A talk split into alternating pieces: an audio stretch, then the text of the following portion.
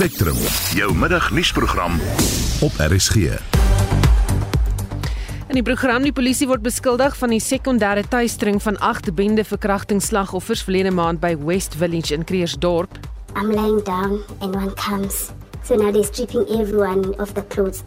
The sun was still out. Until now it's getting darker. This thing, this nightmare is not ending. And then um they start taking girls one by one. Maatskaplike werkers betoog en eis werk van die regering en die laaste lid van 'n stam in die Amazone sterf. In 1995 is ses van hulle dan nou gedood deur onwettige mynwerkers en hy het alleen oorgebly.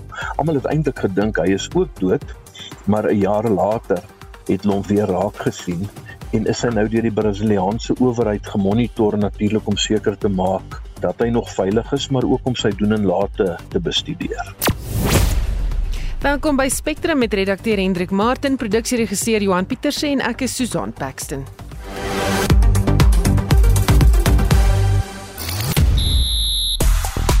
Beserings veroorsaak 'n hele reeks veranderinge aan die bokspan vir Saterdag se toets teen Australië.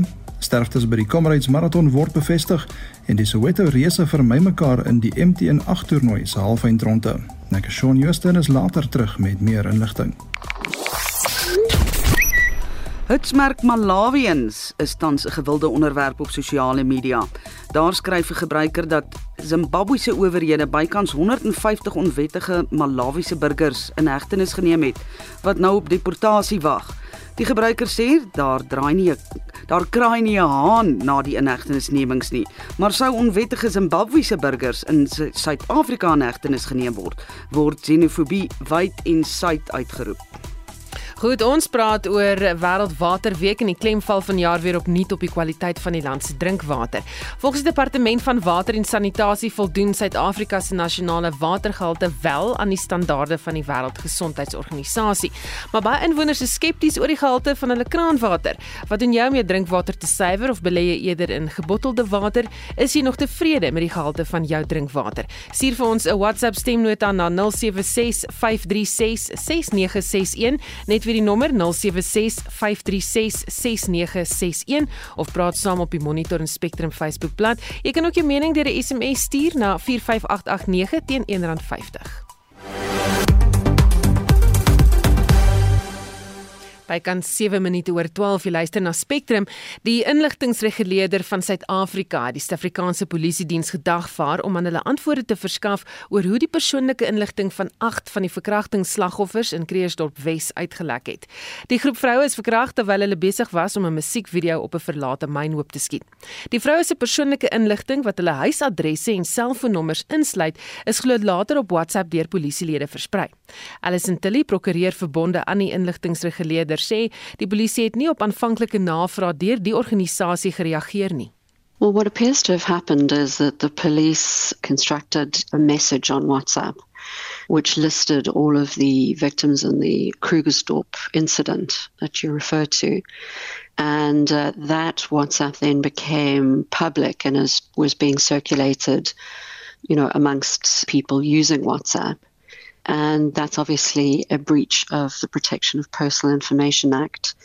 And a complaint has been laid with the regulator. And the regulator has begun a process following up on that. And unfortunately, SAPs have not responded to the request for information that the regulator set out. So we've now, unfortunately, had to summons the police to come and explain what in fact happened. Hulle sê die organisasie kort spesifieke inligting van die polisie om die saak te kan ondersoek. Well, it's pretty much from beginning to end how this information was generated, who it was supposed to be circulated to, and then how it ended up leaking and then being distributed generally on WhatsApp. Hulle sê die saak is baie sensitief en dit wil voorkom of die polisie dit nie met die nodige erns benader het nie.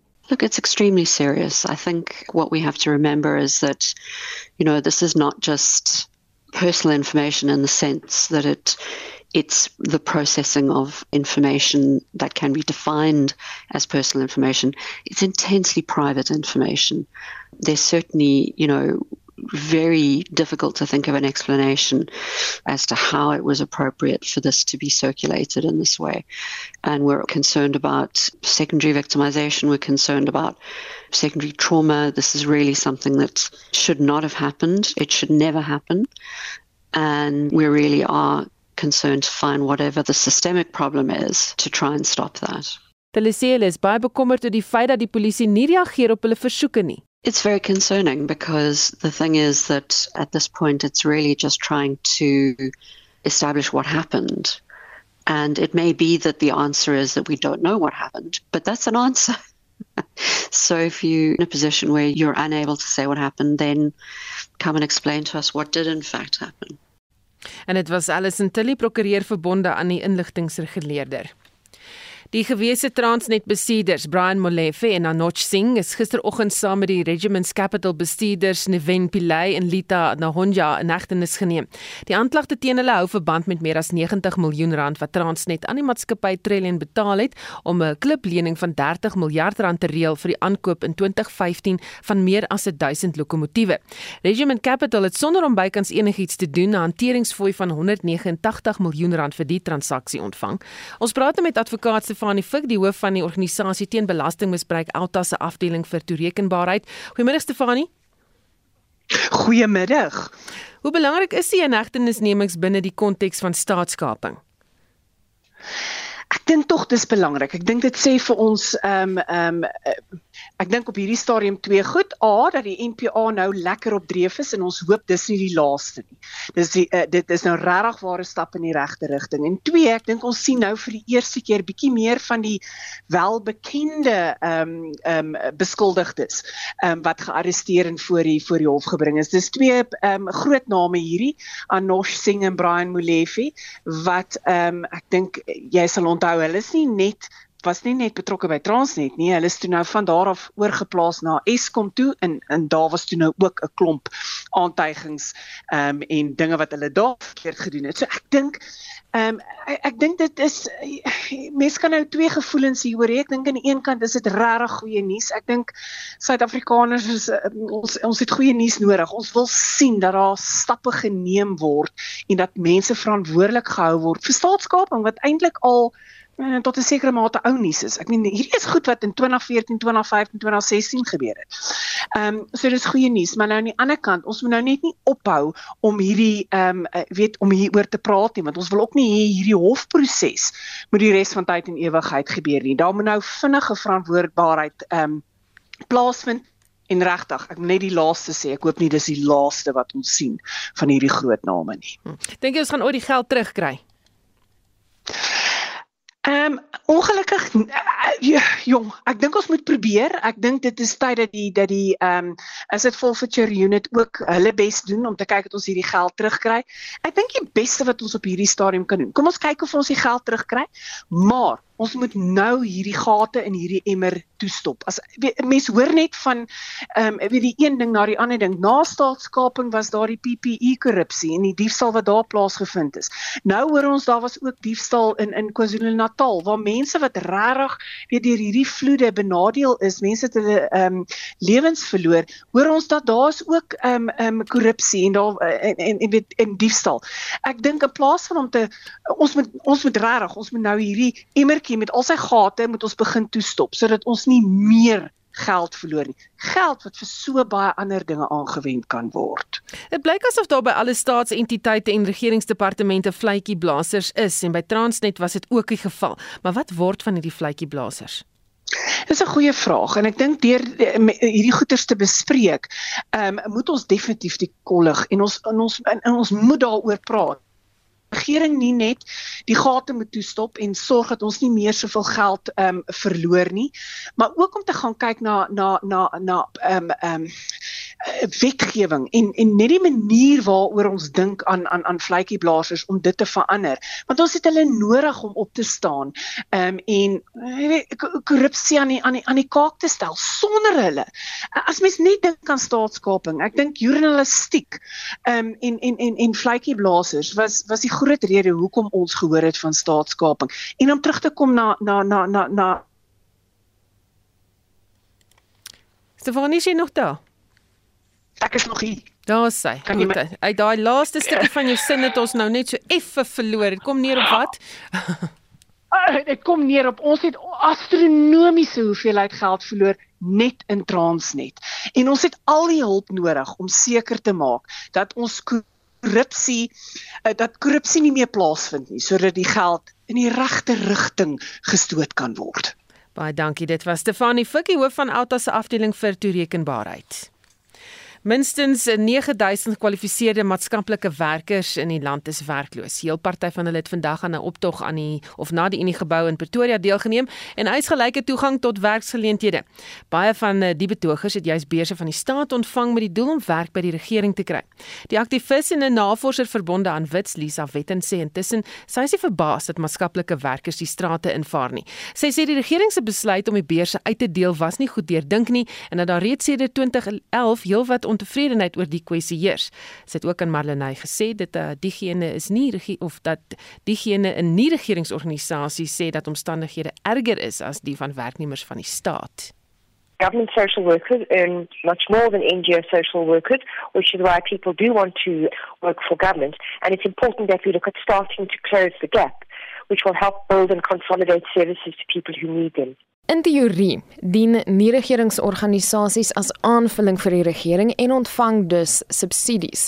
Nou in die afgelope dekade het befondsing vir hierdie organisasies ingrypend afgeneem weens die swak ekonomie.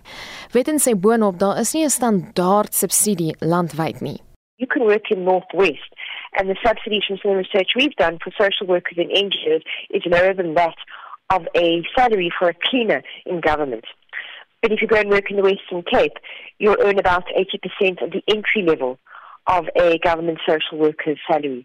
So there's often no increase in some provinces, there's no standardization, there's no consistency. And in fact, in the Eastern Cape, you'll find that the subsidy for a social auxiliary worker, and this is a person with a qualification, is approximately 2,900 Rand, which is below the minimum wage. Sy glo nie die regering skenk die nodige aandag aan die sektor in sy geheel nie. Die departement van maatskaplike ontwikkeling het volgens wet 'n groot begroting, maar sowat 90% daarvan word aan die uitbetaal van toelaat bestee. What happens is that it's the provinces who get the money from treasury and then have the discretion to decide what to spend their money on. So in some provinces social services are just not a priority. They also come in as part of the health budget. So I think there are also questions around how provincial budgets get structured, which is a conversation that needs to be had with National Treasury and with the premiers. And I think it needs to come from the top. Because if you just look at government statements around social services, they really aren't a priority. It really doesn't look as if they're, they're thought of as being terribly important. Dit was die aktivis en navorser Lisa Wetten, ek's Marlene Forsie vir SAK nuus. Ons het gister in Spectrum met die DA se skadu minister van verdediging Kobus Maree probeer praat oor die stand van die Suid-Afrikaanse lugmag, maar weens tegniese probleme kon ons nie die onderhoud voltooi nie. Ons het egter later met hom oor die grip en vegvliegtye van die Suid-Afrikaanse lugmag gepraat wat reeds meer as 'n jaar lank op die grond staan. Dit volg na begrotingsgesny is en geen ondersteuningskontrakte met internasionale maatskappye soos Saab vir onderhoud bestaan nie. Maar hy sê hierdie onvermoë om die vliegtye te onderhou bedreig die veiligheid van elke Suid-Afrikaner.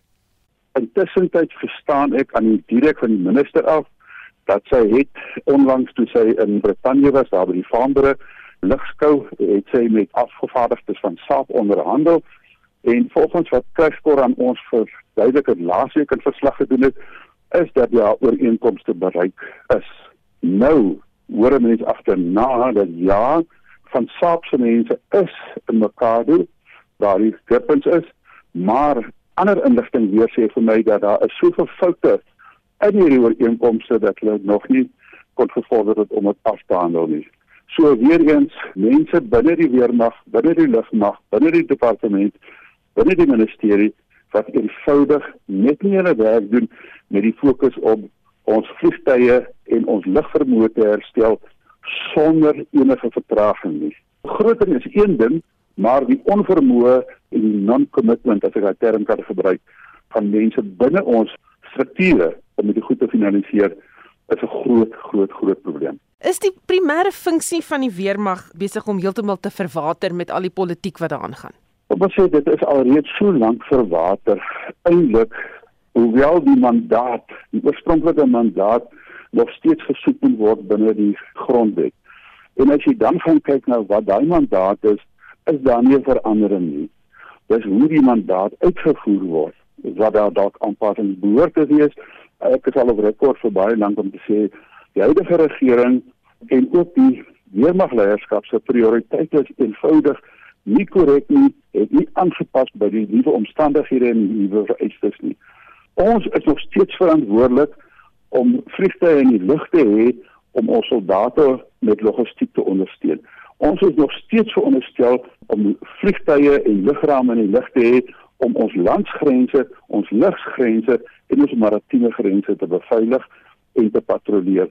Dit gebeur nie. Wat wel verander het is dat ons nie meer betrokke is in konvensionele oorlogsvoering nie. Aan die ander wyse dit waar ons 'n groot vloot van byvoorbeeld vegvliegtuie nodig het nie, soos byvoorbeeld die Griffins nie. Daar behoort ons aan te pas en te sê wat het ons nodig. Ons het byvoorbeeld by 35 skader in Kaapstad wat verantwoordelik is vir maritieme verkenning en patrollering, het ons slegs een stokou Dakota Lady wat ons nog beskikbaar het. Nou dit is absoluut nie, nie geskik en voldoen aan die vereistes om in hierdie moderne era maritieme verkenning en patrollering te doen. Nou dan wil ek nie eers praat van die vloot se onvermoë om dit ook te kan doen nie. Maar net uit die lugmag se kant uit behoort ons 35 skaders op te gradeer sodat ons gereeld patrollering van ons maritieme gebied kan doen. En ons het nog die internasionale verantwoordelikheid om die Suidsee eilande rondom die Prins Edward eilande en daai dele ook te kan doen en te kan patrolleer wat ons eenvoudig nie bykom nie. So, so as mense ja? gewonder het hoe hierdie ons daagliks beïnvloed en dis nie iets wat ver is nie. Hier is iets wat ons daaglikse veiligheid en sekuriteit van die land beïnvloed. Weet jy, my insiens dit wat ons daagliks beïnvloed is nie van konvensionele oorlogsvoeringsaard nie maar dit gaan oor die beskerming en die versekering om te weet wat op ons grense aangaan. Wat ons wel weet is dat daar is baie oorgrensbewegings wat plaasvind, nie net per voet nie, nie net per voertuig nie, maar ook deur die lug. Klein vliegtuie kan eenvoudig oor die grens vlieg, kom land op enige grondpad kan doen wat hulle moet wil doen en moet doen en nie behoort te doen nie en teruggaan sonder dat hulle eers opgetel word of indien hulle opgetel word, dan is daar nie 'n vermoë om te reageer om te gaan kyk wat aangaan nie, wat hulle doen nie, is dit geregverdig, is dit wettig, is dit nie wettig nie. En dit was die DA-skare minister van verdediging Kobus Maree. Die drukgroep Afriforum het 'n handleiding oor eiendomskaping gepubliseer. Ons praat nou met Afriforum se veldtogbeampte vir strategie en inhoud, Ernst van Sail. Goeiemôre Ernst. Goeiemôre Suzanne, hoe gaan dit? Met my gaan dit goed, maar wat is die doel van die handleiding? Wel, dit uh, dit gaan nie so goed met uh, die eienaars van eiendom in Suid-Afrika nie en dit is iets wat ons nou die afgelope tyd was dit nogal baie in die nuus gerapporteer en dit is hierdie nuwe um misdaad van eiendomskaping wat nou al hoe meer um al hoe meer gebeur rondom ons veral in Pretoria Oos het gevalle hiervan plaasgevind en dan ook uh, in Kaapstad self en net kortliks dit is waar kriminele syndikaate geboue oorneem uh, en dan hulle eie of hulle eie huurders daarin sit of 'n uh, 'n leë gebou oorneem en dan net uh nie uh die die uh die residensiële gebou verlaat wanneer uh, mense byvoorbeeld van vakansie af terugkom nie. So Afriforum het toe gedink dit is belangrik dat uh, aangesien hierdie nou 'n uh, soort misdaad is wat aan die toeneem is dat ons lede en die wyeer publiek uh eerstens in kennis gestel word dat dit gebeur en tweedens hoe om dit te verhoed en derdens hoe om te reageer as jy die slagoffer daarvan sou wees. So kortliks wat kan 'n eienaar in daardie situasie doen? Wel eerstens, dit is uh, absoluut belangrik as dit met jou sou gebeur, dan moet jy is tyd absoluut krities. So jy gaan dit by die regte gesagte moet rapporteer. Ehm um, jy sal polisie toe daarmee moet gaan, maar daar's baie meer uh, besonderhede oor presies waar en hoeveel waar jy moet uh, rapporteer en dit is alles in die ehm um, in die verslag of in die handleiding wat ons gepubliseer het op ons webtuiste onder as jy net na Afriforum se webtuiste by www.afriforum.co.za gaan dan kan jy dit kry onder verslae. Ehm um, en ja, maar die die belangrike punt is is dat uh, tyd absoluut van uh, kritiese belang is en dat jy so vinnig as moontlik dit by die relevante gesag uh, rapporteer. En wie is hierdie syndikaate? Wel, daar's 'n uh, vele daar's vele syndikaate wat tans besig is met hierdie uh, soort kriminaliteit. Daar's nie 'n spesifieke een wat mens nou op naam kan noem nie. Ehm um, dit is maar kriminele syndikaate wat tans uh nie net in Gauteng nie, maar ook in die Wes-Kaap tans besig is met hierdie kriminaliteit. So ehm um, ons gaan nou wag tot daar meer, daar gaan 10 teen 1 meer soos wat hierdie misdaad toeneem, gaan daar baie meer inligting ook deurkom oor die die aard van hierdie kriminele syndikaate wie agter hulle sit. Maar tans al wat ons nou tans waarneem is die kriminaliteit wat plaasvind en ons probeer vir mense die die inligting gee wat hulle bemagtig om uh, dit te stop en dit te help uh, beveg. Baie dankie. Dit was Afriforum se veldtogbeampte vir strategie en inhoud, Ernst van Sail. Die laaste lid van 'n stam in Brasilië wat geen kontak met die buitewêreld gehad het nie, is dood. Die 60-jarige man se naam is onbekend, maar hy het volgens die beskikbare inligting sowat 26 jaar lank op sy eie in die reënwoud gewoon. Hy het bekend gestaan as the man of the hole. Professor Anton van Vollenhoven van Arca Ethnos Argeoloog het aan Marlenae Forsie verduidelik hoekom. Hy het verskriklik baie gate gegrawe En die ouens reken maar dat dit vir twee redes was. Die eerste is dat dit plekke is waar hy nou maar ingeskuil het dalk vir een of ander vyand, maar van dit het hulle ook skerp stokke onder ingevind, so dis 'n baie tipiese vangplek vir wilde diere wat hy dus in hierdie gate kon injaag en op daardie manier hulle kon vang. Oor die jare wat hulle hom nou gemonitor het, het hulle sowat 50 hitte gekry wat hy deur die area gebou het. Trouwens, sy liggaam is ook juis gevind by een van hierdie hitte. Hy sê ons bitter min inligting oor die man bekend. Dit lyk of niemand ooit met hom kon praat naby genoeg en hom kon kom om uit te vind watter taal hy gebruik en so aan nie. Hy kom uit Brasilië, uit 'n gebied wat genoem word die Tanaru gebied naby Bolivia. En blykbaar nog 'n taamlik onherbergsame gebied met taamlik oerwoude nog en daarom dat daar so min van hom bekend is. Oor sy stam is daar meer inligting, maar die verhaal is tragies. Ons weet dat hulle in die 1970s uitgewis is deur boere wat natuurlik nou meer grond nodig het vir hulle boerdery en in die proses dan ook natuurlik die reënwoud vernietig. Daar het net so sewe van hulle oorgebly in 1995 is ses van hulle dan nou gedood deur onwettige mynwerkers en hy het alleen oorgebly. Almal het eintlik gedink hy is ook dood, maar 'n jaar later het hulle hom weer raak gesien en is hy nou deur die Brasiliaanse owerheid gemonitor natuurlik om seker te maak dat hy nog veilig is maar ook om sy doen en late te bestudeer. Die laaste keer wat hy gesien is was in 2018. Skaarsgemeenskappe soos syne is waardevol vir antropoloë en argeoloë. Baie keer sal ons byvoorbeeld op 'n terrein kom en dan raak jy bewus dat hierdie terrein redelik oud is waarop jy werk en dat daar waarskynlik nog mense is wat leef wat uit dieselfde tydperk kom of dalk selfs nog op daardie terrein teenwoordig was, miskien as kinders of so aan. En as 'n mens hulle dan nou bestudeer, kan dit jou help om dit wat jy in die argeologiese rekord kry beter te verklaar. Vir antropoloë help dit natuurlik om 'n verklaring te kry van verskillende tipes volkere en groepe. Die jammerte in hierdie geval is dat mense nie regtig weet van watter groep hy is nie. Maar miskien as sy kultuurvoorwerpe wat nou oorgebly het bestudeer word, kan daar 'n verband getrek word tussen hom en 'n ander groep en kan dit 'n bietjie van meer waarde vir die wetenskap wees. Maar is daar parallelle met die Suid-Afrikaanse konteks? Die san en die koi word baie bestudeer en is veral vroeër jare in die vorige eeu taamlik bestudeer juis omdat daar 'n direkte verband is tussen hulle en die laatsteentydperk. Ons weet hulle is die mense wat in die laatsteentydperk geleef het. 'n Mens kan die voorwerpe wat jy opgrawe vir hulle wys en van hulle erkende dalk selfs van hulle het dit dalk selfs as jong mense gebruik, hoewel hulle natuurlik ook maar deur die jare uit hulle kultuur verander, maar dit bring jou eintlik direk in kontak met 'n lewende persoon van hierdie kultuur wat jy bestudeer en gee jou eintlik 'n addisionele bron. Jy hoef nie net meer dooie voorwerpe met mekaar te vergelyk nie, maar jy kan eerstehands met 'n persoon praat en inligting daaroor kry. Dit was professor Anton van Vollenhoven van Arca Ethnos Argeoloog, ook verbonde aan die Noordwes Universiteit. Marlene Forsie, SAK nuus. Die voormaligste Afrikaanse president Thabo Mbeki het 'n deel van die Amilcar Cabral argief in ontvangs geneem. Die internasionaal gerekende navorser oor Afrikaana, professor Gerry Agosto, het die argiewe aan die Thabo Mbeki presidensiële biblioteek geskenk. Amilcar Cabral van Guinea-Bissau was een van Afrika se voorste anti-koloniale leiers. Amilcar Cabral is in 1924 gebore. Hy was 'n aktivis wat die stryd teen kolonialisme gelei het. Hy was ook 'n bekende skrywer en digter. Baie mense op die vasteland en die diaspora word nog deur sy idees geïnspireer. Die argief word dus as allerbelangrik vir die Thabo Mbeki presidensiële biblioteek beskou.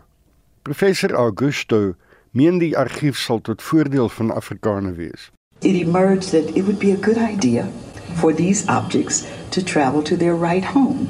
Their right home would be somewhere in Africa because that's the kind of the wind of change now that the artwork should come back, the documents should be here. And in today's world, you can digitize. And so it doesn't mean if it's sitting here, no one can access it there. But the idea of the Thabo Mbeki Library appealed to this little small group of friends and colleagues as the right place. Mbeki sê Afrikaners moet hulle toekoms kan bepaal en moet deur leiers soos Cabral geïnspireer word. Amilcar Cabral quite correctly deals in his teachings, in his leadership, with these questions about identity. Who are we and as Africans? Not only people of Guinea-Bissau, but just as Africans. Now, one day I spoke to President Bouteflika of Algeria, and I was saying to him that I suggest we should do a bit of a study about the impact of colonialism on both countries. Because these two countries, Algeria and South Africa, had the biggest number of European settlers, real examples of settler colonialism. And that we need to look at them and uh, say, what was the impact of that settler colonialism on these two countries? So I was telling him that, you see, for instance, here in South Africa, settler colonialism in part meant really contra- destroying the identity of the African population. It must cease to, in a sense, to exist in terms of an identity. You're no longer a Tabo, you are Jim. Your religion is gone. Your customs are gone. Your everything is gone. So it's a colonizer that then defines you in a particular way.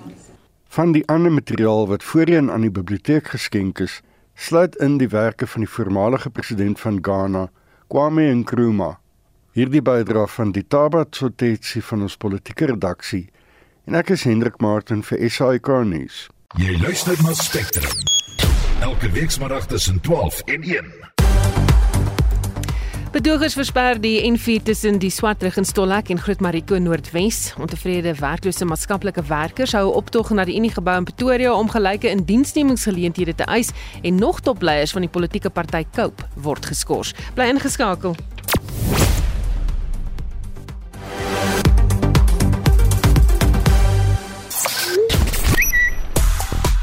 Onder die hitsmerk Cope gons dit behoorlik oor die oor en weer geskorsery van partylede.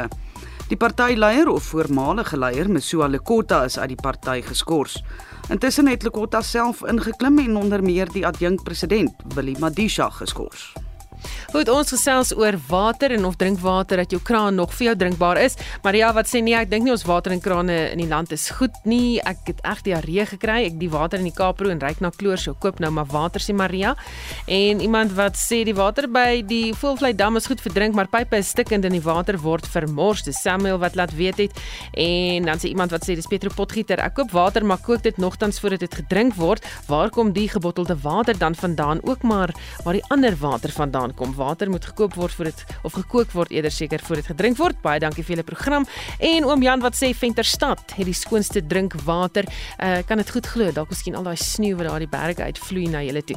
Dan ander dinge waar mense gesels Jaco wat sê Maria Ramos was ook mos die uh, bestuurshoof daar van Transnet. Kan jy vir ons uitvind gedurende watter jare? Nou ek weet sy het einde Februarie 2009 het sy klaar gemaak. As dit dalk vir jou gaan help. En uh ja, so dis 'n bietjie van die terugvoer van jou. Jy kan nog steeds saamgesels op die SMS lyn op ons Monitor en Facebook uh, Monitor Spectrum Facebookblad of vir ons 'n uh, stemnota stuur.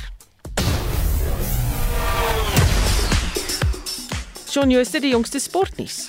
Die bokspan vir Saterdag se tweede toets teen Australië in die rugby kampioenskappe is bekend gemaak en die afrigter Jacques Ninaber het 'n hele reeks veranderinge aan die beginspan aangebring. Willie Leroux is op heel agter ingesluit terwyl Damian Willemse die nommer 10 trui sal dra in die plek van die beseerde Andre Pollard. Kenan Moody maak sy debuut op regtervleuel met Jesse Kriel die buitesenter en Jaden Hendrikse die skrimskakel. Die agste man is Jasper Wiese en Franco Moster dra die nommer 7 trui. Malcolm Marx begin op hakker en Steven Kitsoff is die loskopstit. Dion Fourie, Oxenche en Trevor Nyakani is die plaasvervangers vir die voorry, terwyl Kwagga Smit en Dwayne Vermeulen die losvoorspelers dek. Kobus Reinig, Frans Steyn en Warwick Galant is die plaasvervangers vir die agterlyn. Saterdag se toets skop 11:35 Suid-Afrikaanse tyd in Sydney af. Na 2 jaar afwesigheid was die Comrades Marathon Sondag met die afroete van Pietermaritzburg tot Durban hervat.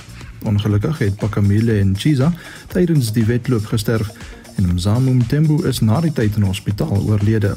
Die twee sterftes is gister aan Netwerk 24 bevestig. 74 atlete is na die maraton na hospitale geneem. Die loting vir die MTN 8 toernooi se halfeindronde is gisteraand gedoen. Die Soweto reëse kon mekaar vermy, maar daar lê steeds twee mondwater kragmetings voor. Kaizer Chiefs kom teen AmaZulu en Orlando Pirates teen Mamelodi Sundowns te staan. Die datums, afskoptye en stadions is nog nie bevestig nie. Ons sluit af deur na die DStv Premierliga, Engelse Premierliga en Formule 1 puntelere te kyk. In die DStv Premierliga is Orlando Pirates die voorlopers op 11 punte en word gevolg deur Mamelodi Sundowns, AmaZulu en Royal AM almal op 10 punte. In die Engelse Premierliga is Arsenal onoorwonde na 4 rondes en staan op 12 punte. Manchester City, Tottenham Hotspur en Brighton and Hove Albion rond die top 4 af met 10 punte elk. Op die Formule 1 punteleer is die Nederlander Max Verstappen gemaklik voor op 284 punte na 14 rondes. Sy spanmaat Sergio Perez is tweede op 191 met Ferrari se Charles Leclerc van Monaco derde op 186 punte. Red Bull het 475 Ferrari 357 en Mercedes 316 punte. En dit was kollega Shaun Jooste. Tyd vir buitelandse nuus. Byna 19 miljoen mense in Afghanistan het met voedselonsekerheid te doen. Dit sluit 6 miljoen mense in wat die risiko van hongersnood loop. Meer as die helfte van die bevolking het humanitêre hulp nodig. Die Verenigde Nasies se ondersekretaris-generaal vir humanitêre sake het hierdie inligting by 'n vergadering van die Veiligheidsraad bekend gemaak. Afghanistan het met krisisse op alle fronte te doen: ekonomies, finansiëel, die klimaat en hongersnood. Die vergadering het amper 'n jaar na die onttrekking van die laaste Amerikaanse soldate uit Kabul plaasgevind. Die ondersekretaris-generaal Martin Griffiths sê die krisis neem nou nuwe afmetings aan. This malnutrition crisis is fueled by recurrent drought, including the worst in 3 decades in 2021 and whose effects are still lingering. 8 out of 10 Afghans drink contaminated water, making them susceptible to repeated bouts of acute watery diarrhea. Around 25 million people are now living in poverty, and three quarters of people's income is spent on food. There's been a 50% decline in households receiving remittances. Unemployment could reach 40%, and inflation is rising due to increased global prices, import constraints, and currency depreciation. Afghanistan se ekonomiese probleme bly een van die vernaamste redes vir die huidige humanitêre krisis. Die Wêreldbank skat dat die land se ekonomie met 20 tot 30% gekrimp het. Die FSA is gevra om sowat 7 miljard dollar se bates van die Afghaanse sentrale bank te ontvries. Verder is onderhandelinge tussen Amerikaanse amptenare en die Taliban nog aan die gang maar dit word bemoeilik na die dood van die Al-Qaeda-leier Ayman al-Zawahiri na 'n Amerikaanse hommeltuigaanval in Julie vanjaar. Griffiths verduidelik dat 'n VN-reaksieplan van 4,4 miljard dollar vir Afghanistan nog net gedeeltelik befonds is. Currently, the humanitarian response plan for Afghanistan has a gap of 3.14 billion dollars, with over 600 million dollars urgently required to support priority winter preparation, such as upgrades and repairs to shelter, warm clothes, blankets, and so forth. We're up against time. These particular contributions are needed within the next three months. In addition, $154 million is needed to pre-position supplies, including food and livelihood assistance, before the winter weather cuts off access to certain areas.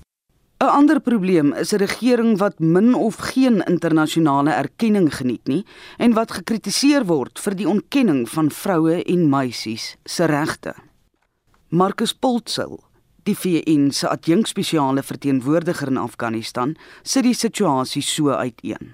It is important for the Taliban to understand that neighbors, regional partners and the wider Islamic world want them to be part of the international community. Afghanistan is a landlocked country that depends on its neighbors for access to trade routes, but it's also a country with tremendous potential resources that, if properly harnessed, could benefit Afghanistan and its region as well as the wider world. Afghanistan itself, I believe, has not recovered from serious geopolitical shocks and interventions by foreign powers. None of these interventions have achieved their designs. All of them have altered Afghanistan in ways that were unexpected and often unhelpful. Die Taliban gaan voort om internasionale erkenning te soek terwyl hulle die druk vir menseregte konsessies verwerp. Afghanistan is die enigste land waar tienermeisies verbied word om skool by te woon. Goed en dit natuurlik die heer Marlies Skeepers daardie verslag wat sy uh, vir ons uh, vertaal het en hy is saamgestel deur Shevan Bryce Peace in New York. Die leier of voormalige leier van COPE, Moshiya Lekota, is gister uit die party geskort. Die adjunkpresident Willie Madishi of Madisha het die aankondiging gisteroggend gemaak.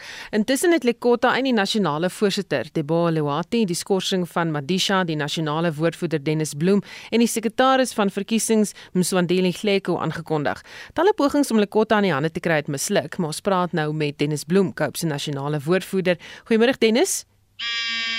Goeiemiddag en goeiemiddag aan die luisteraars.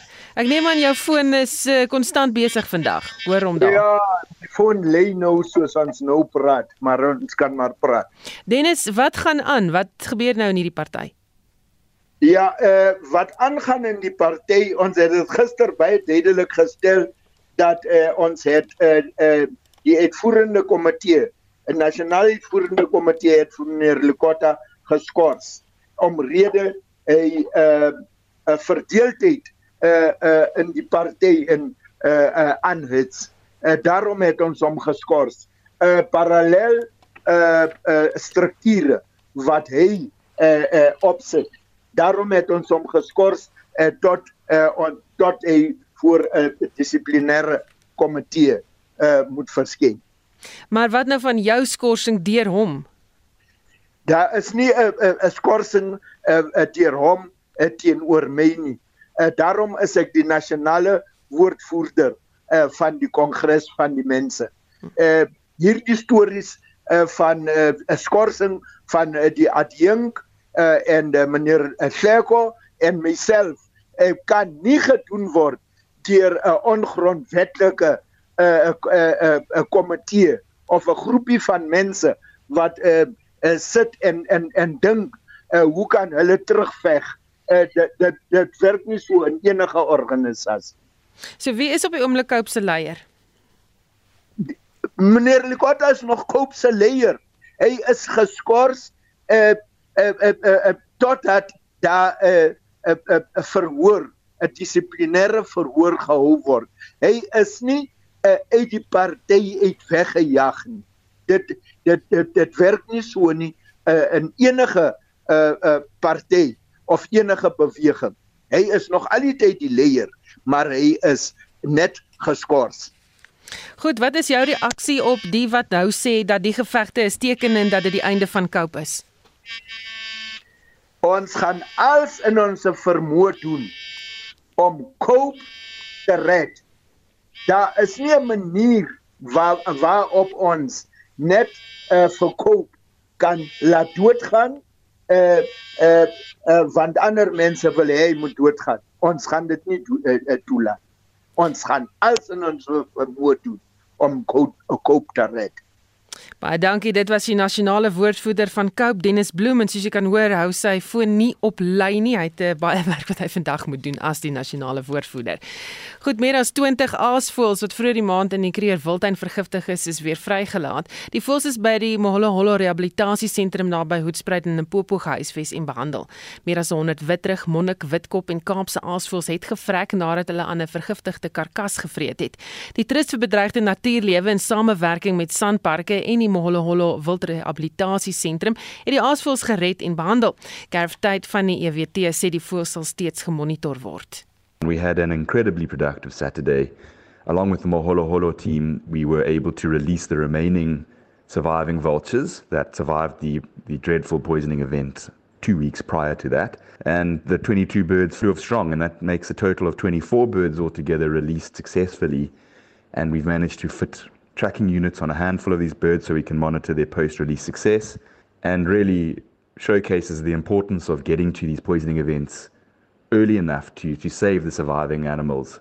And it also just showcases how, with a quick response and the administration of first aid, etc., that these birds can in fact be rescued and released eventually healthy so that they can head back to their nesting sites and they can potentially start breeding again and every bird counts so we are really thrilled to have saved this handful of birds. En dit was gerftyd van die EWT Spaza winkels in townships is dalk die kuur tot die ekonomiese hoofpyn in die gebiede. Grandpa, die bekende hoofpynmiddel, het as maatskappy weer hulle Spaza Akademie geopen om die potensiaal tot ekonomiese ontwikkeling daar te ontsluit. Lebogang Lewono, die projekbestuurder van die Grandpa Spaza Akademie sê, as die besigheidseienaars toegerus word met die regte vaardighede, kan hulle nog meer bydra tot ekonomiese ontwikkelinge in die townships. Essentially it's a program where we take Spaza shop owners traditional well historically it was Spaza shop owners from 2013 but this year we've broadened it to a wider range of businesses. Um, and the idea is to just give them business development skills that are actually relevant to their businesses. So business management skills. So we're talking you know managing money customer service um, identifying opportunities in your community that arise due to the challenges that your communities are facing. So different things that they can look at for their businesses for their communities um, that would help them to grow their businesses and potentially employ more people because in the end any sort of enterprise development pro um, program is looking at job creation as an ultimate goal. Lewuno sê hulle ervaring het gewys dat die eienaars entrepreneurs is wat net bemagtig moet word. We know that a lot of people that we, when we interview or when we talk to our um, Spaza Academy participants, a lot of them start their businesses after they were retrenched from corporate jobs or they inherit the business from, you know, from their family member or what have you. It's, you know, Spaza that's been in their family for a while. And what we find is that they take over these businesses and while they're running them successfully because they're still standing, they don't see themselves as business owners. They don't see themselves as people who have the skills. So the program is about building their confidence confidence, um, consolidating the knowledge they already have and bringing new knowledge to them that would help them, new skills to them to help them um, to grow their businesses and sustain their businesses. And obviously also giving them access to this cash grant that is that happens at the end a business development grant at the end of the program where they could win up to 15000 rand for their businesses in order to you know further the business. Levuno sê hierdie program word nou uitgebrei na ander besighede toe. What they need to know is that as much as we're still the Grand Pass Plaza Academy, we noticed that there are lots more businesses mushrooming in the township economy. You know, there are car washes, there are you know salons have always been there, they're still there, there are internet cafes. Um, township entrepreneurs entrepreneurs are responding to the needs of their communities. And we have then decided to expand the program to go from not just Paza owners, but to all small township businesses. So anybody who runs a business in townships can apply, um, especially, you know, uh, salons, as I said, car washes, internet cafes, those kinds of businesses, whether it's a dry cleaner, they can also apply. And this year they can be part of the program and stand a chance to, you know, learn, get these business development skills skills. Lewono sê dit is hoogtyd dat ekonomiese groei op grondvlak ook moet plaasvind. Look, we we are in crisis as a country. We need jobs. Um, jobs need to be created. We need to grow every kind of industry in order to create these jobs locally. Um, and I think because of that, township economies will play a massive role in terms of absorbing some of these jobs that need to be created by SMEs, by large companies. Um, so I think we need to be able to support. I mean, uh, township economies have been battling with all sorts of things, whether it's, you know, the unrest that happened or the floods for KZN, for example. There are many things that are impacting township economies, and I don't think that they can do this on their own. It's our role as corporate, as government, to step in and assist them to be sustainable, to rebuild where rebuilding is necessary, and be able to create the jobs that are needed. En dit was Lebogang Lewono, die projekbestuurder van die Grandpa Spaza Akademie.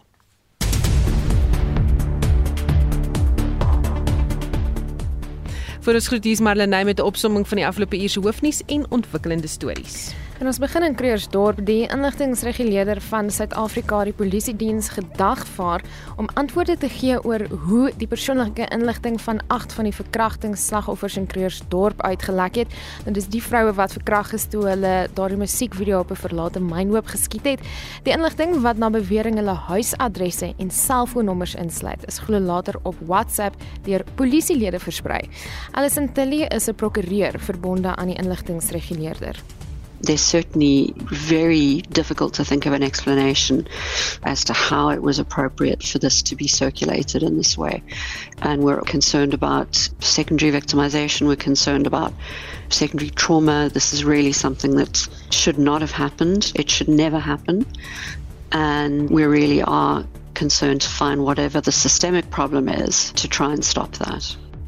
Die gewese Transnet bestuurders Brian Molefe en Anosh Singh is gisteroggend saam met die Regiment Capital bestuurders Nuwem Pillay en Lita Nyonya in hegtenis geneem. Advokaat Stefanie Fik is die hoof van die organisasie teen belastingmisbruik Alta. Dit sê vir ons op hierdie stadium twee goed. A dat die NPA nou lekker op dreef is en ons hoop dis nie die laaste nie. Twee, ek dink ons sien nou vir die eerste keer bietjie meer van die welbekende beskuldigdes. Dit is twee groot name hierdie, Anosh Singh en Brian Molefe. Hulle was nie net betrokke by Transnet nie, hulle is toe nou van daar af oorgeplaas na Eskom toe en daar was toe nou ook 'n klomp aantuigings en dinge wat hulle daar verkeerd gedoen het en verskeie maatskaplike werkers het opgetrek na die Unie gebou om gelyke indiensneming te eis. Intussen waarsku die aktivis en 'n navorser verbonde aan Wits, Lisa Wetten, dat diegene in nie-regeringsorganisasies se omstandighede erger is as die van werkers van die staat. You can work in Northwest and the subsidies from some research we've done for social workers and NGOs is lower than that of a salary for a cleaner in government. But if you go and work in the Western Cape, you'll earn about 80% of the entry level of a government social worker's salary. En oppositiepartye in die nasionale vergadering slyp die tande vir president Ramaphosa se vraag en antwoord sessie. Nou hy gaan met antwoorde gee oor die Paula Paula sage, geslagsgebaseerde geweld en die ontplooiing van die weermag. En dan die parlementskomitee oor kommunikasie en digitale tegnologie vergader ook en sy soek na 'n nuwe, nie uitvoerende SAIK raad en daardie verwikkelinge hou ons ook dop. En dit was Marlenae Forsie.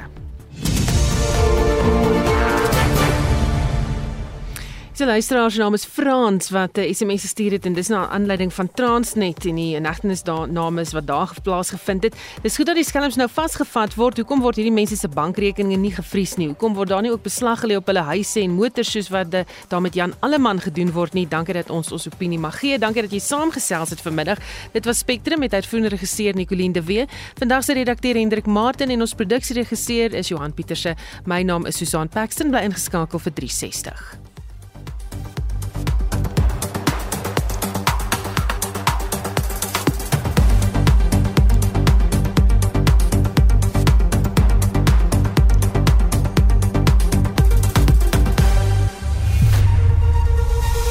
SAK nuus.